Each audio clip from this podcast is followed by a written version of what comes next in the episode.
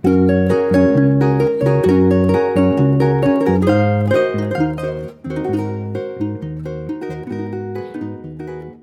og velkommen til podkastserien om transpersoner. Laget av psykologstudenter ved NTNU.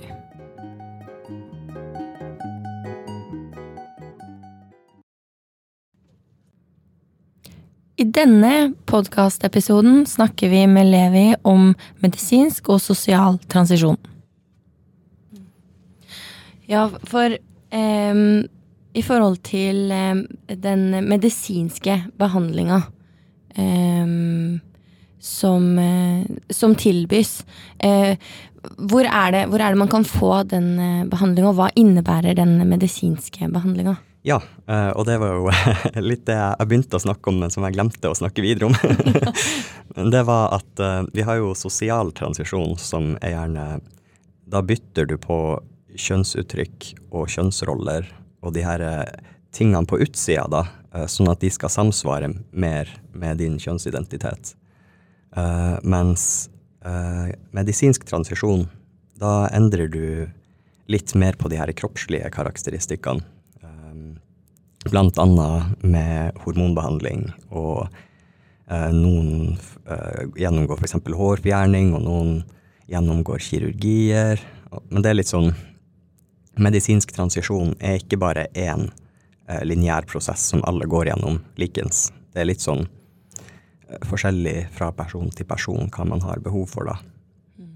Men da sier vi gjerne medisinsk transisjon som en sånn, et sånt paraplybegrep for alle de her behandlingene man kan gå for å ehm, ja, for å endre på de kroppslige karakteristikkene, sånn at de skal samsvare mer med sin egen kjønnsidentitet.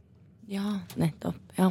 Og hvor, em, hvor er det Er det Rikshospitalet som tilbyr eh, denne medisinske behandlingen? Um, ja, per i dag så er det kun én offentlig behandlingstjeneste for uh, transpersoner for å få kjønnskorrigerende behandling. Eller kjønnsbekreftende behandling, heter det. Ikke kjønnskorrigerende behandling. Beklager. Um, men ja, og det er en De heter NBTK, som er nasjonal eh, behandlingstjeneste for kjønnsbekreftende behandling, blir det vel. Så ja, det er ett sted i Norge som tilbyr det. Hva, hva, hva tenker du om at det, det er kun ett sted eh, som tilbyr den type behandling?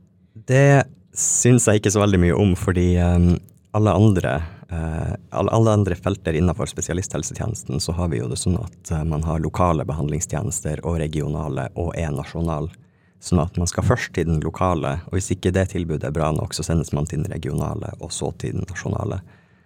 Eh, det valget har ikke transpersoner, så skal man få kjønnsbekreftende behandling, så må man til Oslo, og man får ikke velge behandler sjøl. Man er låst fast til det ene teamet som sitter på Rikshospitalen. Eh, Og det gir jo det, de, dem veldig mye makt da, på hvem som, hvem som får behandling, og hvordan typer behandling som skal være godkjent.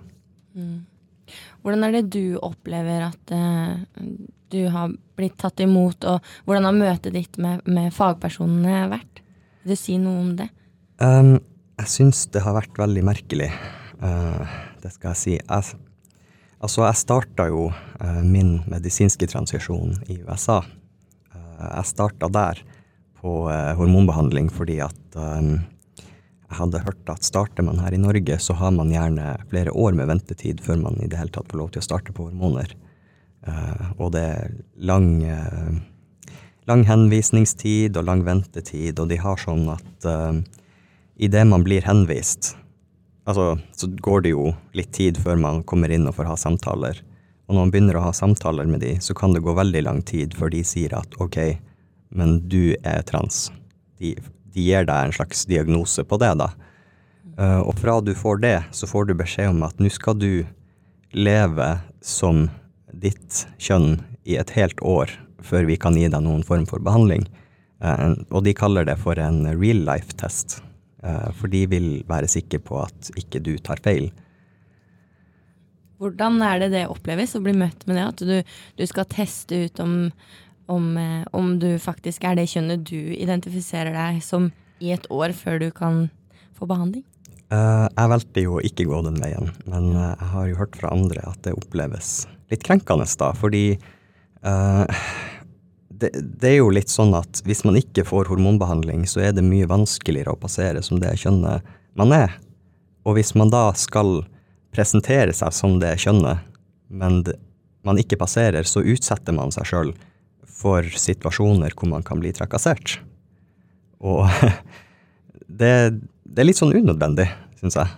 Mm.